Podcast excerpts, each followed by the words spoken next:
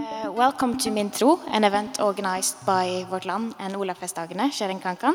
So nice to have you here. Um, and so you're uh, one of the first, uh, you're leader of the first all-female mosque in Denmark, in Copenhagen, and you're also the writer of The Future of Islam, Women Are the Future of Islam. And uh, President Emmanuel Macron of France has said that your uh, Islamic feminism is a progressive middle way that can build a bridge between Western secular society and conservative Muslims. So, Sherin, first I wanted to ask you do you agree? Do you think that like Islamic feminism can build a bridge between secular society and Islam? Uh, first of all, thank you for the invitation. I'm very honored and happy to be here on this special day. Can you hear me clearly? Thank you. And uh, yes, I do believe it's possible to combine Islam and feminism, and I do believe that Islamic feminism has something to contribute with when it comes to integrating Islam in European countries. My first meeting with Islamic feminism was through the spiritual Sufi literature in Islam. My father, who is a political refugee, he introduced me to Islamic feminism, not only through his own activism, but also through um, Sufi literature. So it's actually my way towards uh, my meeting with Islamic feminism was my meeting with the Islamic spiritual literature. So, what, can you say anything? What does Islamic feminism mean? What distinguishes it from feminism in general? Of course, we cannot speak about Islamic feminism as one thing because it is being defined and practiced very differently by people. But one of my inspirational sources is Rabia al Adawiya. She's a Sufi saint. She died in 801. And she said, um, it's one of my favorite, one of my favorite poems by her. She said, uh, God, if I worship you because I long for paradise, close the gates of paradise in front of me.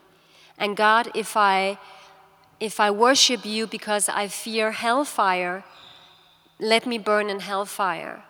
But God, Allah, if I worship you because I long for your mercy and your love, may your love and mercy be with me. And then she said, I carry a lamp with fire in one hand and a bottle with water in my other hand. And with these two things I shall set fire to heaven and turn off hellfire so that the travelers towards God can see the true light. So, uh, what is it that she does? She takes the ultimate pair of opposition, heaven and hell, and then she deconstructs it. And the point is not that that there are not pairs of opposition, but the point is not to let all these man made, manipulated dichotomies separate us as human beings. So I use her, Rabia from the 8th century, I use her, who died in 801. She inspires me in the way that in everything that I do, I try to deconstruct these manipulated dichotomies between East and West, Christians and Muslims, Muslims or Jews, uh, men and women. Yeah. Yes. And that's the feminist part of it. Yes. I'm also inspired by Ibn Arabi.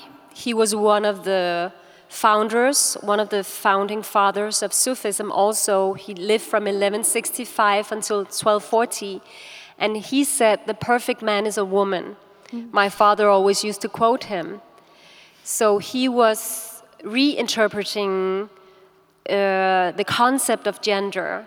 And later on, I started to study contemporary Islamic feminist literature. And Mina Wadud, who wrote the book called Quran and Woman, uh, Shahin Sadr Ali, who's giving a rereading of the Quran with a focus on gender equality, and who is underlying the fact that only six out of more than 6,000 verses in the Quran can be interpreted as discriminatory against women, but they can also be reread differently. And this is what we do in the Mariam Mosque. we try to give a rereading of the Quran with a focus on gender equality. And this is Islamic feminism to me. So, you, your work at the Mariam Mosque, which was founded in 2016, um, and uh, that's a quite controversial project, uh, both from like Danish political uh, figures on the right, but also among Muslims. And you once said that some, for some people, progressive Islam is more difficult to cope with than conservative Islam because it can help to rewrite the narrative of Islam in the West. What do yes. you mean by that? I actually I remember the quotation. I mm -hmm. said that progressive Muslims are a greater threat than Islamists are mm -hmm. Because we're actually able to change the narrative. And it's because Islamism is seen as the new threat in Europe. And I always try to nuance the debate on Islamism because even you cannot speak about Islamism as one thing. There are reform Islamists, there are radical Islamists, and there are jihadists who use violence as a method. So just by making that distinction, it becomes clear that not, not all Islamists are potential terrorists. But having said that, I do believe that progressive Muslims sometimes are seen as a bigger threat because when it comes to Islamophobes, some of them they want to hold on to the narrative that Islam is a warriors, um, female suppressive religion. And then when they can see that women are taking the lead, giving the sermon, leading the prayer, disseminating new narratives on Islam in Europe, rereading the Quran, uh, with a focus on gender equality, it becomes very difficult for Islamophobes to hold on to the, to the narrative that Islam is a female suppressive religion. Um, yes. But how do you cope with that criticism, both from Danish politicians but also from other Muslims? How do you cope with that?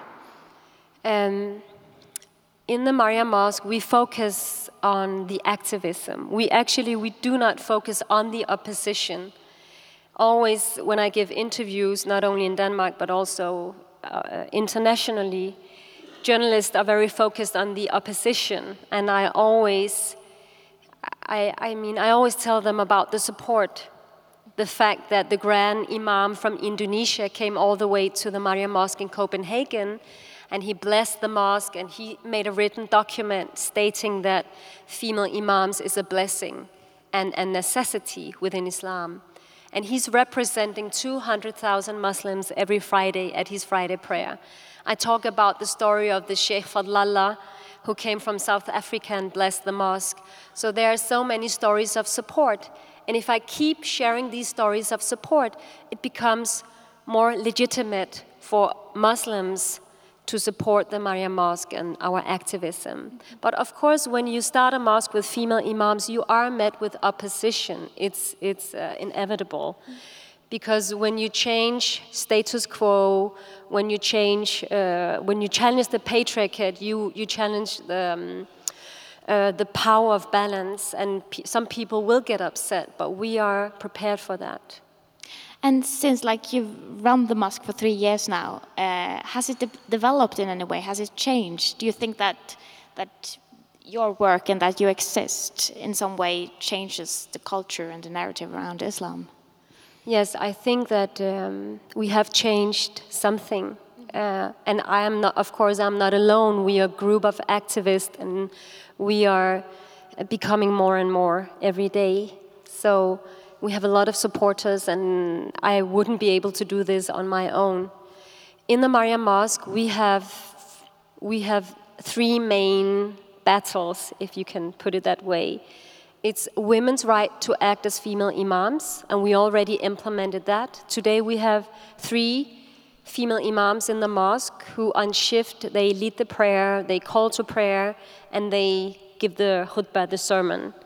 Um, so this is a development. Then we have the uh, the fight for women's right to choose their love partner, and I think that's maybe one of the most important battles that we are fighting because today in Denmark, in Norway, in many countries, Muslim women do not have the basic right to marry outside Islam. I myself, I have four children. I have two girls and two boys, and my boys are 10 and 11 and my girls are 8 and 15 years old. So, what are the chances that my two girls will grow up one day and fall in love with a non Muslim? It's huge because we live in Denmark, we live in Europe. But the father of my children, he, he would always argue, and he still argues, that this is never going to happen because he says, I have raised my children so well, so they will not even think about falling in love with a non Muslim. They will not even dream about it. And he's actually not alone with his opinion. You will find the same opinion among some religious Christians, some religious Jews, and some religious Muslims. It's not a rare opinion, it's not a, an opinion you find among some Muslims alone. The, the rabbi in Denmark, I just had a talk with him lately, and he said exactly the same thing. He said, Jewish people, they do not fall in love with non Jewish people because they know it's not a possibility. And I told him, Are you sure? And he said, Yes, it's, it's, not, it's, it's not happening. And of course, it's happening. And it's also happening among Muslims. So in the Mariam Mosque, we have made it possible for Muslim women to marry outside Islam. And until today, we have conducted more than 45 oh, Islamic marriages, and the majority are between practicing Muslim, faithful women and non Muslims. It could be a practicing Jew or a practicing Christian. But are you the only mosque in Denmark that conducts interreligious marriages? Yes, we are the only mosque in Denmark, yeah. and I do believe that we are the only mosque in Scandinavia. In Scandinavia, wow. And in Europe, there are very few mosques who uh, performs interfaith marriages. Mm -hmm. In Tunisia, they changed the law recently, some years ago, so in Tunisia, it's possible for a Muslim woman to marry mm-hmm. outside mm -hmm. Islam. But why is this a feminist issue to you? Is it because like Muslim men can marry outside Islam? Do they have that opportunity? They do. Yeah. It, mm -hmm. It's it's an important issue because everything starts in the family. And if we do not have the basic right as people to choose our love partner, then everything else is insignificant. Mm. Everything starts in the family. And everything starts with that important choice the choice to choose your love partner or the partner for your life. Uh, in the Quran, it is stated clearly that a Muslim man can marry a Jew or a Christian or people from the book, Jews or Christians. Uh, but it is not stated clearly that a Muslim woman can marry a Jew or a Christian, and it is not stated that she can't. Okay, yeah. So we use that as our legitimacy. Mm-hmm. That it is stated that a man can marry outside Islam, and what goes for the man goes for the woman. Because in Islam, we believe that God has created a world of multiplicity, and we believe that God has created gender equality. So, gender equality um, is um, an essential part of the Quran, it's, it's the fundament. Mm. The first person who called to prayer in Islam was a black slave. His name was Bilal.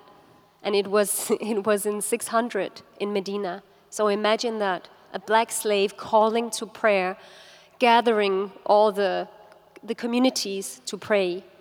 So Islam is, is essentially a message that tries to break down all the hierarchies between men and women, black and white, um, etc., rich and poor.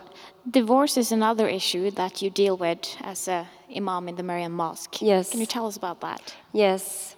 Um, we have uh, constructed a new Islamic marriage contract in the Mariam Mosque. It's eight pages long, and it is stated clearly that polygamy is forbidden. If mental or physical violence occur, the marriage is annulled, and women have the right to divorce. And if, and then most importantly, we made a fusion between Danish legislation and Islamic guidance. So if you are divorced according to Danish law, you are immediately divorced Islamically. Mm -hmm. So that there is not uh, this dilemma. Today, many Muslims they marry according to Danish law legally, and of course we know that it's only European law that counts in Europe. So the, the Islamic marriage or the Islamic divorce, they do not count legally. They have absolutely no legal uh, authenticity. But if you are a practicing Muslim or a Muslim, it counts psychologically, spiritually, uh, mentally, um, religiously. So we we are faced with women today who are trapped in psychological abusive marriages or physical abusive marriages that they cannot escape because the husband refuses to give them an Islamic divorce. So they can easily divorce according to Danish law, but not Islamically. And sometimes they're not even married according to Danish law. And the man has, it, it's easy for the man to get a divorce, but not for the woman. Yes, right? the man can easily uh, get the Islamic divorce, and he's today in many mosque communities in Denmark, he's the only one who can give the Islamic divorce. So, this is, of course, something that we want to change, and we do believe it's possible to standardize this contract. In Denmark, I know only of two Muslim communities that gives women the right to divorce in the contract. So imagine if we could standardize this contract all over the world, making a fusion between European legislation and Islamic guidance, or just give women the right to divorce in the contract, then we wouldn't have these problems as we see today. But let's rewind a little. Uh, your background, can you tell us a little bit about that? You had a dad that came from Syria and was a Muslim was a political refugee, as you said, but your mother was Christian and came from Finland. So that's yes. quite an unlikely match. yes. Uh, yes, my mother, she comes from Finland, from a small village called Mahlu, uh, Saarijärvi. You cannot find it on any map. it's. Um, she comes. Uh, she has eight sisters and brothers, and when she was 20 years old, she came to Denmark with her older sister, because they were in need of nurses, and she just became a nurse, and she couldn't find, find work in Finland. And my father, he's a political refugee. He comes from Damascus. He has six brothers and sisters. He came from a very poor family. My grandfather, Naim, he used to call to prayer from the Umayyad Mosque. It's one of the most beautiful mosques in, in Syria, in the Middle East, I would say. So he comes from the city Damascus, and he was a political activist uh, fighting against the Hafez al Assad regime. And he was imprisoned, tortured, and came to Denmark as a political refugee. He was supposed to go to Sweden because his other activist friends were active there. But then he met my mother the first week he came to Copenhagen. And we hear this story every year when they have their anniversary. They have been married for many years. They still love each other. So I'm very lucky, or we are lucky, me and my sister. And my father, he tells us that when he saw my mother in the street, he saw her twice the same day. So he's, he thought it was a sign from God. And he actually proposed to her the second time he saw her, the first day he's wow. met her. and uh, of course, she said, no, thank you. But they married uh, a few months later and they're still married today. So I was brought up with a Christian mother, Muslim father. My father prays five times a day. My mother, she's a practicing Christian. We go to the church with my mother. Uh, my mother is fasting with us. We celebrate Christmas and eat, and both the Islamic and the Christian uh, rituals. So I think I was really lucky because I do believe that if the parents succeed in uniting different cultures and different religions, I do believe that the children will always be a step behind or in front, not behind, in front. Because you get used to navigate mentally between different cultures and religions, and that's really healthy. But was that ever complicated? It sounds a bit complicated for, for the children and for, the, for your parents. I, I think that a religion never gave uh, problems. It was more culture that sometimes could give uh, problems, but not religion. But I think that we, they managed very well to, to survive. But were you a religious child? Um, I was always a spiritual child. Uh, but I, when I was a child, I didn't know which religion to choose between, because both my parents they made an agreement that we should have the choice of choosing our own religion. I was born a Muslim, I wasn't baptized. That was a compromise my mother made. But my father made the compromise that when we grew older, we should have access to both Christianity and Islam. So my mother would teach us about Christianity, and my father would teach us about Islam, and that we would have the right to choose our religion. And then I chose to become a practicing Muslim when I was around 19 years old. And, and so it was a choice I made myself. But your sister, you have a sister. Yes. Did she choose Christianity or Islam? Uh, she's a cultural Muslim. Yeah. She's not practicing, but she's a Muslim. But as a child, like growing up with these two religions, what did you perceive to be the main difference between Christianity and Islam as you remember it now? Actually, I do believe that we share the same values. Uh, Christian, Muslims, Jews, uh, whatever religion, we share the basic same values. Um, it's humility, honesty, uh, forgiveness, mercy, um, human rights. All these values are not Christian values. These values are universal values shared by Muslims as well. So it's not the values that separate us. We also have a very, I have a very strong value, which is, uh, I don't know the English word, fællesskab, community. And I know that's also a value among Christians. So it's, it's not a Muslim value, as some Muslims would tend to say, that in Islam we are a community and Christians are individualists. You cannot say that. That's, of course, not right. But of course, the theology is different. We do believe that uh, Jesus is uh, a prophet, a beloved prophet. He's our love prophet. And Jesus' name is mentioned several times in the Quran. Peace be upon him. Uh, we do not believe that Jesus is the Son of God.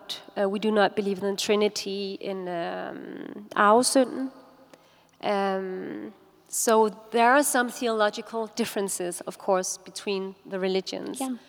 And I do believe that the reason why I chose to become a practicing Muslim is because I was introduced to Sufism, which is the spiritual path in Islam. And I think that's the reason why I chose to be a Muslim. We should talk about Sufism later, but you ne- mentioned uh, arvesynd, which you said in Oh, sorry? uh, arvesynd, so sin, original sin, and that was a difficult co- concept for you as a teenager. You've said that that's Yeah, I, I don't believe in the original sin. I believe that we're all born free and good. And uh, I remember that my mother introduced me to uh, the Aram- Aramaic, den aramæiske himmelbøn. Do you know that? I don't think so. No. Okay, it's uh, she believes that this prayer is it's it's like uh, trosbekendelsen. Yes. Yes, the Christian, but it's it's a different kind. Okay. It says, uh, himmelske ophav, du som er overalt, hellig vær dit navn. Mm-hmm. Øhm, befri os fra de bånd, vi binder os selv og hinanden med. Øh, det vil sige, uh, the evil is not from outside, it's from, from the inside. inside, yes. Yes, We're and that's very with sin. close to Islam. So I do believe there are, there are some definitions or approaches to Christianity that are very similar to Islam. But why was the concept like when we're born free? What do you mean by that? And because sin is also a concept in Islam, right?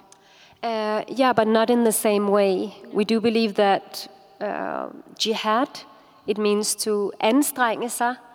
Uh, what's that in English? To, To anstrengelse, it's the same word in Norwegian. anstrenge Yes. sig. So the big jihad in Islam is to try to balance your own ego, uh, jealousy, enviness, uh, hatred. So these, this is the, these are the sins that we should try to balance. But it's more complicated in Christianity. Do you think that It's not what? It's more complicated in Christianity. The concept of sin. Why? Why? It's just interesting to me. Yeah, I don't know if it's more complicated, but I do believe that the Islamic theology is closer to my heart. Mm-hmm. Yes.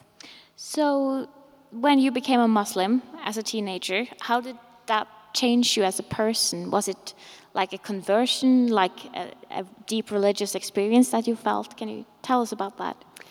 It was, uh, it was not something that happened overnight. I, I think that my inspiration came firstly and primarily through my father, through his activism, through his, by mirroring, mirroring myself and him, how he treats my mother, uh, how he's never able to eat before everybody is eating, how he's uh, self sacrificing, thinking about others before himself. So the way he introduced Islam to me really affected me. And then later on, when I was introduced to the Sufi literature and started to study Ibn Arabi on a deeper level, I really felt a connection. And so it's, it's, it was a journey that I was on. And then I also met people. And I think that the people we meet in our lives is also very significant. I, I was lucky to meet people who were a part of a Sufi circle, and they took me in, and I was really inspired by that. I also did my thesis on Sufism and Islamic activism in Syria. I stayed there for one and a half year, and I was a part of a, a Sufi circle, a community uh, Naqshbandiya are they called? And I did my thesis on their activism. Do you just have to tell us, or like explain in like short terms, Sufism? What is that? What distinguishes Sufism? It's um, it's the religion of the heart. Mm -hmm. It's about it's about purifying your heart. Uh, we have a very like famous story where a man he comes to the prophet and he asks him, "What is Islam?" what is Iman? Iman is faith, and what is Ihsan? So he asks him these three questions, and the Prophet he says that Islam is um, the five pillars. He mentioned the five pillars in Islam that you have to pray, you have to fast, you have to serve other people. Uh, Betel el it's the declaration of faith, and it's the pilgrimage. And then he, he and so Islam is like the is it's like the Sharia, and I don't know if you have you heard about the word Sharia.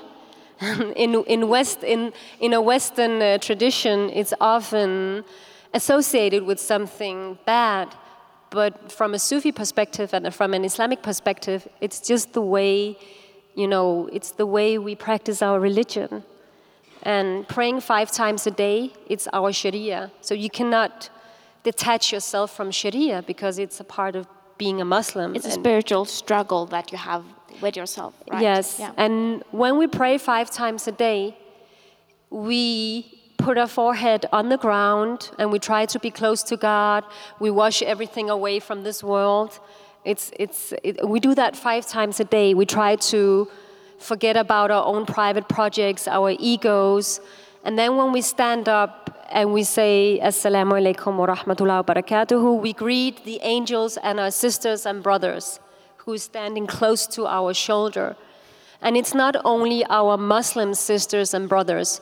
From a Sufi spiritual point of view, it's your Jewish, Christian, Buddhist, any sister and brother who is close to you. It's also the stranger, the one who is far away from you. So, and in the Quran, it is stated that God says, I have created a world of multiplicity because I want you to want multiplicity. I have created you nation, men and women, and made you into nation and tribe so that you may know each other. So the prayer is a movement, a mental movement and a physical movement between Tawheed by being close to God and multiplicity. So the point is that you cannot claim to love God if you do not love your Christian sister or a Jewish brother. So it's a, it's a more individualist in a way and a more mystical. it's more mystical. more mystical. Sufism is, uh, yeah, you could say it's mystical, mm -hmm. but it's also very practical. Mm -hmm. It's also yeah. about um, it's about servanthood. Mm -hmm. It's about and how activism and activism. Yeah. Sufism has spread through Sufi orders and it's being defined through love poetry, through activism, through daily practices, through dhikr, which is about remembering God by purifying your heart. So it's being defined, but I would always, if I should explain it in one sentence, it's uh, the religion of the heart. Mm -hmm. yeah. Ibn Arabi, he said that if we people only seek to understand God or the Quran through uh, with our mind, we will meet a lot of paradoxes. So we also have to develop the methodology of the heart and combine it with the mind. So, but just to finish that story, so there's the Sharia, and the jurists, Islamic jurists, are they are operating with Sharia. Then we have the ulama; they are occupied with the with faith, the faith articles, and then you have the Sufis, and they are occupied with the spiritual teaching, mm-hmm. the deeper essence. Why do we do the things we do? What's the inner, deeper essence behind praying every day? And to me, that's understanding that the way to God is through your fellow human being. Mm -hmm. So this is what the prayer remind remind us of. So you're like when you converted, you were about 19 and you discovered Sufism and you started in Syria, but at the same time you, you've said that you never felt at home in any mosque that you visited.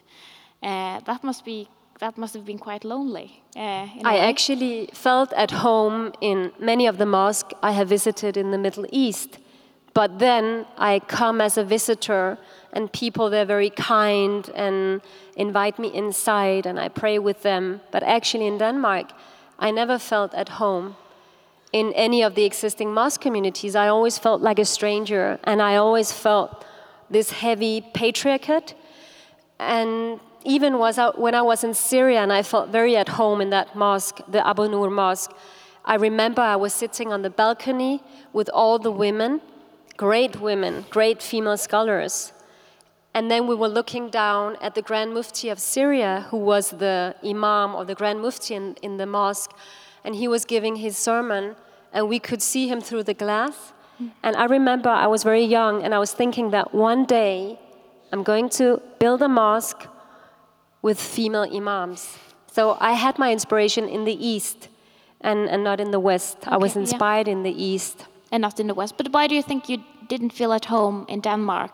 What, why are the mosques in Denmark different than the mosques in the East?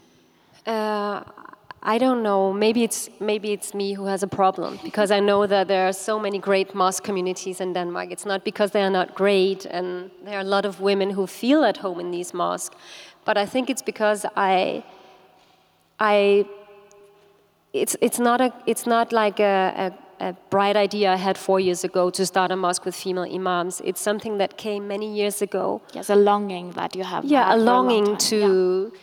To, to listen to the voice of a woman calling to prayer. When I hear the call to prayer, this is the moment where I know that I'm a Muslim mm -hmm. because I feel it. And I remember when I was living in the Middle East, I, I lived in Cairo and in, in Damascus.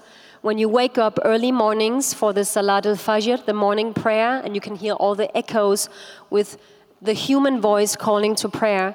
So I always imagine how would it feel like and be if a woman called to prayer. But mostly, it's, it's about giving women the same possibilities as men. We have so many great female scholars all around the world, and yet they should have access to the chair. And the one who gives the sermon is it's not a matter of gender, it's a matter of knowledge. So, uh, what, what, what would you say is the main difference with the Mariam Mosque and other mosques, apart from the fact that it's run by women? Do you do it in a different way than other mosques? Um, I think we do. I think that all mosques are unique in their own way, but we have built up the Mariam Mosque from scratch. So it has been a trial error process. Mm. So I think that we we have everything in everything that we do. It's defined by a more spiritual approach, and when it comes to an Islamic marriage or dhikr ceremony or the the way we call to prayer the female voice is, of course, different from the male voice. Uh, so I think that it is very different. And the women who come to the mosque, they are often very touched by the fact that it, when they hear, listen to a female voice calling to prayer, they get very touched. And, and some of the women, they say that we haven't prayed for many years, but now we feel like praying again because we feel at home. Mm -hmm. So I think that the, the magical thing, I think that magical things can happen in a community. And to me, it's very important to create that magic place where women enter and they feel at home and they can be themselves. Mm -hmm. And what kind of responses do you get from from women in general, and, and men as well? Uh, actually, uh, as I said, we have um, women who they haven't prayed for many years. Some of them they grew up in very conservative communities, and then they had like a reaction against religion, and now they want to pray again because they feel embraced and free, and they can relate to an interpretation of the Quran or rereading, which is which has a, this focus on gender equality. Then we have also have a lot of converts who feel that the, the mosque is balancing um, the background they come from and what they have found in Islam. And then we have, we are mostly attracting a new generation of Muslims, I do believe, Yeah. but also men. We ha- our vice president, he's a man. His name is Saer El-Jaichi. He has a PhD in Islamic philosophy. He just published a book about Islamic philosophy, which is now on the curriculum at the Danish Faculty of Philosophy at the university, which is really amazing because I think that in order to change the grow, to challenge the growing Islamophobia, we have to challenge the knowledge production or change the knowledge production or place ourselves on the knowledge production in order to produce new stories about Islam in Europe. So we, the, one of the founding members of the Mariam Mosque was Hisham. Uh, Hisham, he, he died recently. He was 31 years old. He died from a, a disease called cystic fibrose. So we lost him, but he's still alive through his activism because he was the first man who stood behind all the women and supported the mosque. And yeah, he was one of the founding figures. And we just had a, a brother who came just before vacation, um, and he said that he wanted to be a male imam in the mosque. And he's really, he, he was educated from Al Azhar and he's good in reciting. So we thought about recruiting also a male imam for the future. Okay, yeah. Yes. But Uh, uh, just to finish, yeah, just- because of course, men is important in the battle against the patriarchat and against uh, female suppressive uh, readings. So it's so important to stand together, men and women. But uh, as I see it, the part of your project is to reread and reinterpret uh, the Islamic tradition. And while you do that, you focus, among other things, on the role of women and the role women have played in the Islamic tradition. But um, many others do not see Islam that way, uh, and many others have different readings of that tradition. How do you um, feel about that? Like you're, in a way, you're one of one of a few people who interpret it in that way in the public day-to-day debate, right? Actually, I'm not one of you. We have a, a very long and great tradition of modernist scholars, uh, and it's not modernist opposed to traditional. um, No. But um, we have a great tradition of scholars who reread the Quran with a focus on gender equality. It's not a new phenomenon. As I said, even in the Sufi literature, mm-hmm. even Rabia, who died in 801, she gave a rereading of the Quran with a focus on gender equality. Ibn Arabi did it. So it's not, an, it's not something new, it's not a reformation. We are not we are not reformating. We are actually going back to the roots, and we are part of a, a, a greater tradition. Mm-hmm. In the very first house mosque in the Islamic tradition, that was the house mosque of the Prophet Muhammad, peace be upon him, in Medina. The Prophet, he established the first house mosque where people came to pray, and in that house mosque, two women led the prayer as imams for other women after the Prophet died in 632. That was Aisha and Umm Salama. And while the Prophet Muhammad was alive, he appointed Umm Waraqa. It was a woman who was known for her knowledge about Islam, and she was great in her recitation of the Quran. So he appointed her to lead the prayer for her household in her own house mosque. At that time, we didn't have house uh, mosque, official mosques as we know them today. There were different house mosques. So at least three women were acting as female imams in, year, in 600 in Medina. And the Prophet appointed a woman as the Imam. So, what happened? How come that we have normalized all these patriarchal structures around the world? Of course, there are many different factors. One of them is the fact that when, the, when Omar came to power, he was the second caliph um, af after Abu Bakr. When Omar came to power, he denied women the right to serve as female imams. When was that? Which It was in 634. Okay, yeah. He was the second caliph. So he said, It's not obligatory for you. You don't have to pray in the mosque. You can pray in your houses because that was in the process where the house mosque became more official. So more people came to the more official mosques. And in that process, women were excluded. Mm-hmm. So when Muslims today in 2019 deny women the basic right to enter the chair, to give the khutbah, the sermon, to lead the prayer, to call to prayer, it's, it's actually, uh, they are actually following in the footsteps of the Prophet. And when people deny women this right, they are following in the footsteps of the second Caliph Omar. And if you want to read more, uh, there is a very, um, there is a, uh, an author, his name is Ibn Sa'd. He has written a biographical lexicon called Kitab al Tabaqat al Kabir in Arabic. It consists of eight volumes. And the seven volumes are only about the men who followed the Prophet in Medina, but the eight volume is only about the women. And in this eight volume, you will find all these very famous hadith stories about women acting as teachers, warriors, and as imams.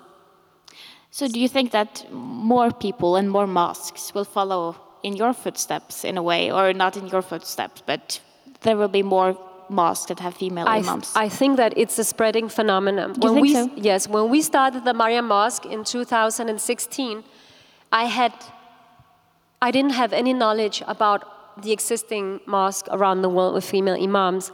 I realized that there, there are female imams in China since the 1820. Mm-hmm. They have several women's mosques in China. In US, of course, I knew about the mosque in, in Canada. Amina Wadud, the great female Muslim scholar, she uh, led the prayer in 2005 in New York. And then there are Halima Krausen, Rabia Müller in Germany. Uh, in Berlin, there's also a new mosque. Uh, in Switzerland, and now also in Germany, in UK. So it's a spreading phenomenon. In Somalia, in South Africa. and do you think it will gain more accept from other Muslim, like Islamic schools as well? Uh, three out of four Islamic schools, law schools, uh, Sunni law schools, they allow uh, women leading the prayer for other women. Yeah. And they allow this because of the hadith stories about the Prophet appointing a woman to lead the prayer. And the hadith, hadith are the written stories about what we think the Prophet said and did. And they are written down 200 years after the death of the Prophet. So, because of these stories um, telling us about Aisha who led the prayer, Umm Salama and Umm Waraqa, uh, three out of four Islamic schools, they have to allow it. They don't think it's a great idea, but they accept it and allow it. Uh, I was just gonna uh, one question. I read an interview with you that you said that uh, you were married or you're now ex-husband. Uh, he uh, really supported you in your role as an imam, but then it became difficult for him after a while. Can you tell us about what happened?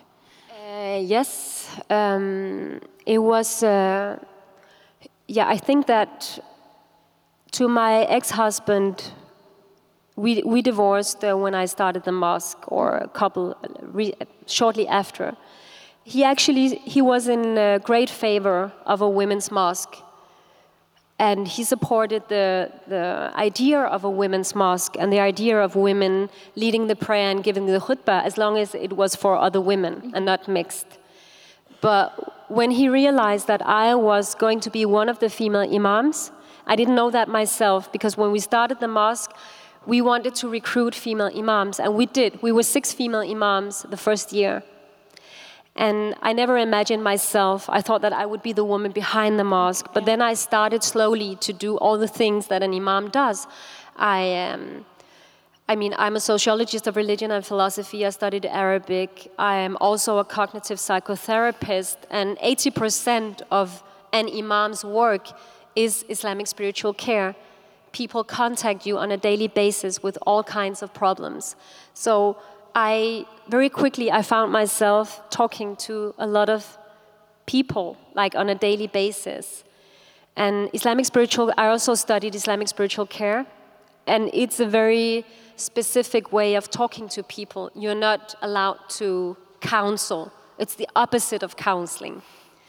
So I started to give Islamic spiritual care. I started to lead the prayer uh, perform Islamic marriages, divorces, etc. So slowly, I was doing all the things that an imam does. Yeah. So it, it's not, I didn't take the title and then I became an imam. Mm. I did the things and then I was given the title. Yeah. And very, in the beginning, the other women wouldn't take the title. Mm -hmm it was really difficult to have anyone taking the title upon them. Because it was such a stigma or because it was because it's not it's not a very uh, yeah it, it is being an imam in Denmark it's not a very uh, I mean you, won't be able to have a job after that. Mm. so people are always th always thinking about their future also. Yeah. Because we have a growing Islamophobia like you have in Norway and it, it's not a very prestigious title. No. So um, but I, I didn't tell my father or my husband no. that I took the title. I just did it slowly. Mm-hmm. And then, because I knew that they would oppose it, I, I, think it was because I knew it, so I didn't tell them. No. I always did that. I always do things, and then afterwards I, I take whatever comes. And I remember my father, he called me and he got a message from a family member from Syria who said that I just saw Sherin on Syrian national TV and they are reporting about the Mariam Mosque and that she's an imam and it's impossible. She can't be an imam. And my father, he said, You have to denounce the title. Okay, yeah. Call yourself anything else. You cannot take upon you the imam title. No. And I asked him why. And my father, he's the greatest feminist. He, he, he, I mean, so I knew that he was speaking out of concern. And I asked him, Why can I not take the title? And I said, You accept many of the male imams taking the title when they lead the mosque and do all the things that I do. And he said, Well, you have to wear the scarf all the time, not only when you pray, and you have to be able to recite the Quran by heart, mm-hmm. the whole Quran. And I asked him, Do you think that all the imams recite the whole Quran by heart? Um, and he said, uh, No, but you have to wear the scarf at least. Okay. And then he actually didn't talk to me for a month. Wow. And then now he's very happy and proud. Mm -hmm. um, and my ex-husband, he gave me an ultimatum. He said mm -hmm. that you have to, you have to think very carefully and wisely. And he said, I'm, I won't be able to um, continue. To be married to you. No, you. Yeah. he said that. Uh, to him, the most crucial thing was the interfaith marriages. Okay. He yeah. said that one thing, because he knew that I'm in favor of interfaith marriages, I'm a product of an interfaith marriage. and what goes for the man goes for the woman. If, if God allows a Muslim man to marry a Christian, of course, God allows a Muslim woman to marry uh, a, a, Christian. Mm -hmm. So this is my belief, and my uh, I, I do believe that it's deeply rooted in the Quran this opinion. But he couldn't cope with that. No, he said that one thing is that you have this view, but you promoting it and make it, making this possible for people in the future, I, I, he couldn't uh, handle that. And was that, uh, like that ultimatum, that must be so incredibly hard to make a decision like that? Like, or was it hard? Of course, it, it was hard. Yeah. Yes. Mm. Yes. But you chose to continue as an imam. Uh, yeah, I, I, couldn't go back. No, no. Mm. no. But your husband, he was he was in favor of the mosque, like, and you've said something along the lines that he was a progressive, but it was hard for him that his own wife was in front in the revolution, kind of. Yeah, I, I think that um, I think it's difficult. It's always difficult to be the one who is in front, and also because I'm, I'm the one who's in front uh, visually. Now we try to change that. We have um, started an Islamic academy, so our aim is to educate a new generation of female imams. And the more we become, the more legitimate it, it is, and the more women will dare to take that title upon them.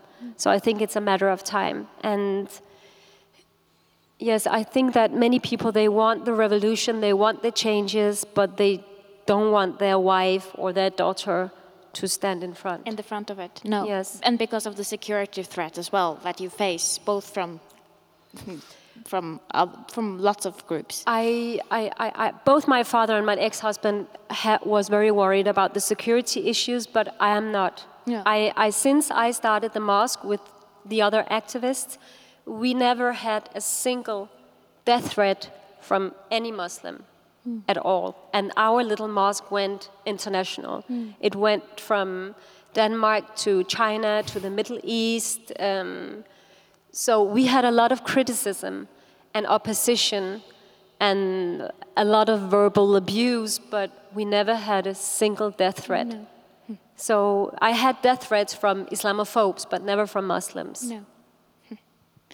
We're almost out of time, but uh, one last question. Um, I just wanted to ask you what what are your hopes for the future of Islam in Europe and in Denmark and in Norway and in the world?